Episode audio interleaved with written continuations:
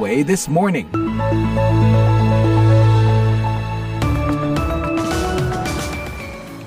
Selamat pagi, bertemu lagi di VOA This Morning. Saya Madioni, Selasa 30 Mei 2029. Hari ini di Amerika diperingati sebagai Memorial Day untuk mengenang mereka yang gugur dalam perang. Meskipun beberapa peringatan khususnya di dan sekitar Washington ditandai dengan kekhidmatan, tapi banyak warga Amerika yang menghabiskan awal musim panas yang tidak resmi ini dengan merayakan akhir pekan panjang dengan pesta memanggang dan juga perjalanan ke pantai. Sementara di Indonesia ada acara khusus VOA yang melibatkan 100 radio afiliasi yang berkumpul dalam konferensi pers pertama setelah pandemi dan dipusatkan di Serpong. Jadi selamat untuk seluruh radio afiliasi yang berkesempatan saling bertemu satu sama lain dan membahas masalah yang uh, tentu yang melanda dunia seperti perubahan iklim misalnya. Nah, meskipun hari libur di Studio 17 VOA di Washington DC, saya ditemani produser Jimmy Manan dan teknisi Jonah Cummings. Pagi ini ada laporan tentang kesepakatan plafon utang Partai Republik dan Demokrat. You've got work requirements to help people out of poverty into jobs. You've got reforms that we can build things, cut the red tape. Ada persyaratan kerja untuk membantu orang keluar dari kemiskinan dan mendapat pekerjaan. Juga ada upaya perubahan iklim yang dinilai masih belum menjadi materi yang menarik di media massa Indonesia. Ini masih banyak uh, peluang ya untuk uh, media di Indonesia bisa memberikan informasi mengenai isu iklim. Demikian cuplikan beberapa laporan yang bisa Anda ikuti pagi ini dan siaran ini juga disiarkan secara live streaming di www.voaindonesia.com atau simak lagi dalam podcast VOA This Morning episode hari ini di podcast langganan. Sekarang saatnya berita dunia VOA.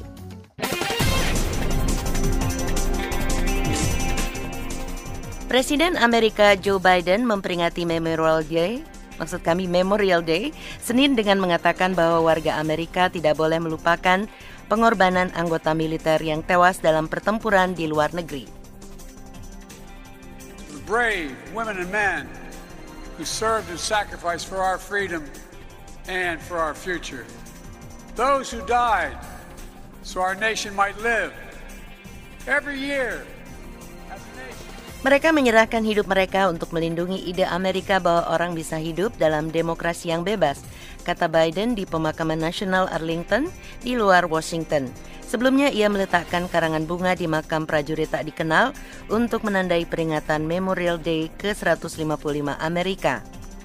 Liburan Memorial Day pertama kali diperingati secara luas pada tahun 1868 ketika Amerika pulih dari Perang Saudara.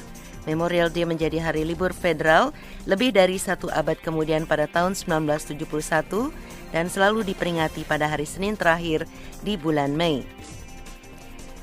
Kementerian Dalam Negeri Rusia telah mengeluarkan surat perintah penangkapan untuk Senator Amerika Lindsey Graham setelah komentarnya terkait pertempuran di Ukraina.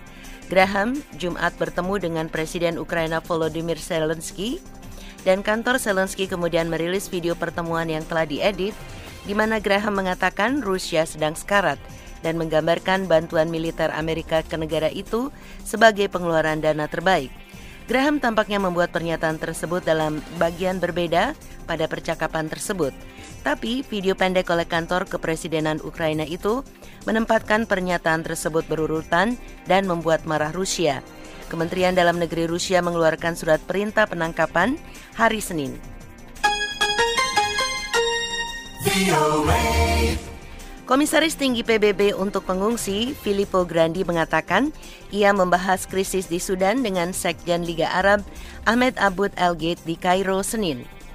We focused uh, mostly on the situation in Sudan and uh, on the hundreds of thousands of Sudanese people that are Grandi kepada wartawan mengatakan dalam pembicaraan itu mereka sebagian besar berfokus pada situasi di Sudan dan ratusan ribu warga Sudan yang melarikan diri dari negara itu.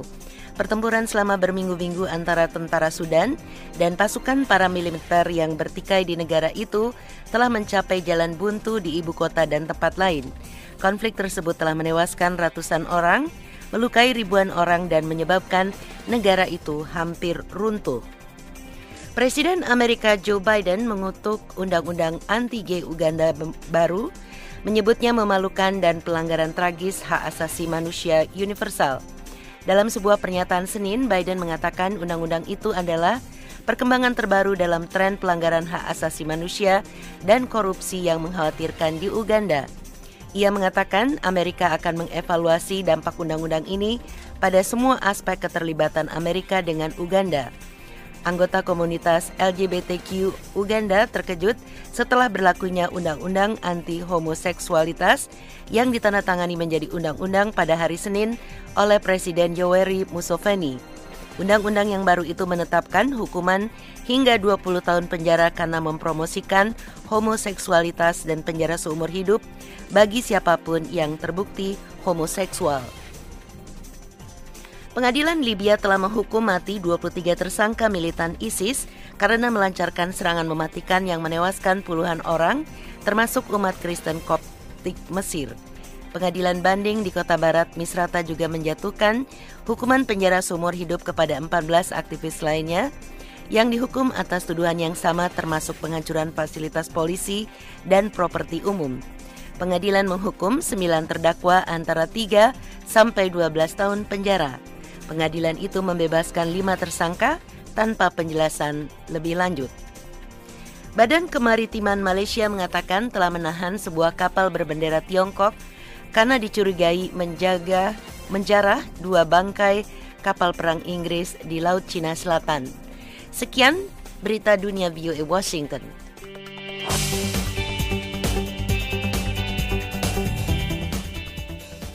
Pendengar anggota Kongres baik dari fraksi Republik maupun fraksi Demokrat minggu mengungkapkan optimisme bahwa mereka akan mempunyai cukup suara yang mendukung kenaikan plafon utang. Wartawati VOA Veronica Iglesias melaporkan detail kesepakatan yang secara prinsip telah dicapai. Selengkapnya disampaikan Jimmy Manan. Tenggat untuk menaikkan otoritas meminjam pemerintah AS semakin dekat, tetapi sebagian anggota Kongres optimistis negara ini tidak akan kehabisan uang tunai. Diwawancarai oleh televisi Fox News, Ketua DPR Kevin McCarthy memuji kesepakatan yang dicapai dengan Presiden Biden beberapa jam sebelumnya. You've got work requirements to help people out of poverty into jobs.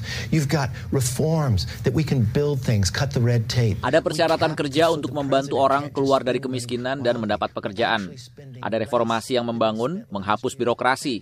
Kami menetapkan batas supaya presiden tidak membelanjakan uang semaunya. Kita membelanjakan lebih sedikit ketimbang tahun lalu. Itu belum pernah terjadi di Kongres. Jadi mungkin tidak semua yang diinginkan semua pihak terkabul, tetapi ini merupakan langkah ke arah yang tepat. Meskipun ada beberapa anggota yang melancarkan kritik terhadap kesepakatan ini di media sosial, anggota DPR dari fraksi Republik Dusty Johnson mengatakan dalam acara State of the Union di televisi CNN bahwa dia diberitahu oleh beberapa anggota konservatif yang moderat mereka akan mendukungnya. And there will be Freedom Caucus people who vote for this package. So when you're saying that conservatives have concerns, it is really uh, the most colorful conservative. Akan ada anggota dari Caucus Freedom yang akan mendukung paket ini. Jadi, kalau ada yang mengatakan bahwa kelompok konservatif prihatin, mungkin itu dari anggota konservatif yang paling ekstrim. Sebagian besar anggota fraksi Republik dalam Kongres akan mendukung kesepakatan tersebut. Mengapa tidak? Ini merupakan kesepakatan yang fantastis. Perluasan persyaratan pekerjaan untuk sebagian penerima food stamps atau bantuan pangan telah menimbulkan keprihatinan di kalangan Demokrat. Di antara mereka, Pramila Jayapal tampil di CNN. Actually, by some estimates, creates a burden on administrative spending that is actually worse for Sebenarnya, menurut beberapa analisa, ini menciptakan beban berupa belanja administratif yang lebih buruk dari biaya keseluruhan program tersebut. Ketika Ketua Fraksi Demokrat di DPR Hakim Jeffries didesak oleh presenter televisi CBS, apakah dia memiliki suara cukup dan bisa menjamin AS tidak akan mengarah pada kegagalan memenuhi kewajiban finansialnya, dia secara tegas mengatakan ya.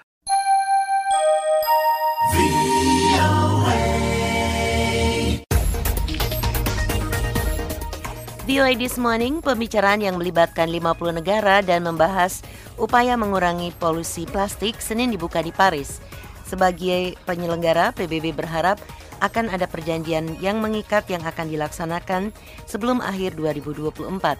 Selengkapnya disampaikan Karlina Amkas. Program lingkungan PBB UNEP yang menjadi tuan rumah pembicaraan merilis cetak biru untuk mengurangi sampah plastik hingga 80 persen pada 2040. Namun, Kepala UNEP Inger Anderson mengatakan komitmen sekarang hanya akan mengurangi polusi plastik 8 persen pada 2024. Dalam laporan yang dirilis awal bulan ini, diuraikan tiga bidang utama untuk tindakan yaitu penggunaan kembali, daur ulang, dan reorientasi kemasan plastik ke bahan alternatif. Kepala UNEP Inger Anderson, Only elimination reduction, a full life cycle approach, transparency, and a just transition. Hanya eliminasi, pengurangan, pendekatan siklus hidup penuh, transparansi, dan transisi yang adil yang bisa mendatangkan kesuksesan, karena sebenarnya kita tidak bisa mendaur ulang jalan keluar dari kekacauan ini. Sebagian organisasi lingkungan mengkritik laporan tersebut karena berfokus pada pengelolaan limbah. Menurut mereka, itu adalah konsesi terhadap industri plastik dan petrokimia global. Pakar polusi plastik dari Tara Ocean Foundation, Henry Burgess Costa, kepada kantor berita Reuters mengatakan, Alors concrètement, le mandat qui a été donné par l'Assemblée générale des Nations Unies est un mandat pour faire un traité qui soit contraignant. Ini benar-benar langkah maju yang bisa menjadi langkah besar jika apa yang tertuang di dalam teks betul-betul dilaksanakan. Ini sungguh bisa mengubah situasi dalam hal polusi plastik. Ingat, polusi plastik bukan hanya masalah yang mempengaruhi paus dan lumba-lumba, tetapi juga masalah kesehatan manusia, masalah keadilan sosial, masalah hak asasi manusia. Minggu ini, puluhan negara memberi alasan kesehatan masyarakat sebagai salah satu perhatian prioritas dalam membatasi produksi dan limbah plastik. Laporan UNEP juga mengidentifikasi 13.000 bahan kimia yang terkait produksi plastik dengan lebih dari 3.000 di antaranya dianggap berbahaya. Greenpeace, sementara itu, merilis laporan yang mengumpulkan temuan dari makalah penelitian ilmiah. Disebutkan bahwa proses daur ulang bisa melepaskan banyak bahan kimia berbahaya, termasuk bensin, ke lingkungan. Dalam pertemuan Senin, koalisi 55 negara menyerukan perjanjian yang kuat, termasuk membatasi bahan kimia berbahaya tertentu, serta melarang produk plastik bermasalah yang sulit didaur ulang dan sering berakhir di alam. Karlina Amkas, VOA, Washington. VOA.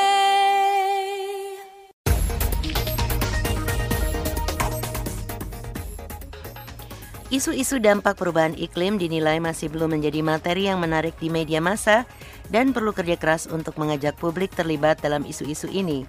Yuda Satriawan melaporkan dari Jakarta. Berita-berita soal perubahan iklim mulai dari banjir dan badai, kenaikan permukaan laut, peningkatan suhu, dan lainnya yang membuat masyarakat terdampak atau bahkan menjadi korban langsung selalu menarik perhatian masyarakat. Media itu menangkap isu perubahan iklim jika ada momentum Contohnya gini, ketika waktu itu Jakarta banjir ataupun Semarang banjir, kemudian isunya langsung gede dengan narasi misalkan Jakarta, Semarang itu sekian tahun lagi akan tenggelam. Jadi dari uh, soal perubahan iklim itu pada dampak masyarakat baru wah iya ya, tapi setelah itu nggak ada. Jadi nggak pernah dari sisi media pun juga soal mitigasinya seperti apa, terus antisipasinya seperti apa, apa yang harus dilakukan. Itu media nggak punya ruang yang banyak. Untuk...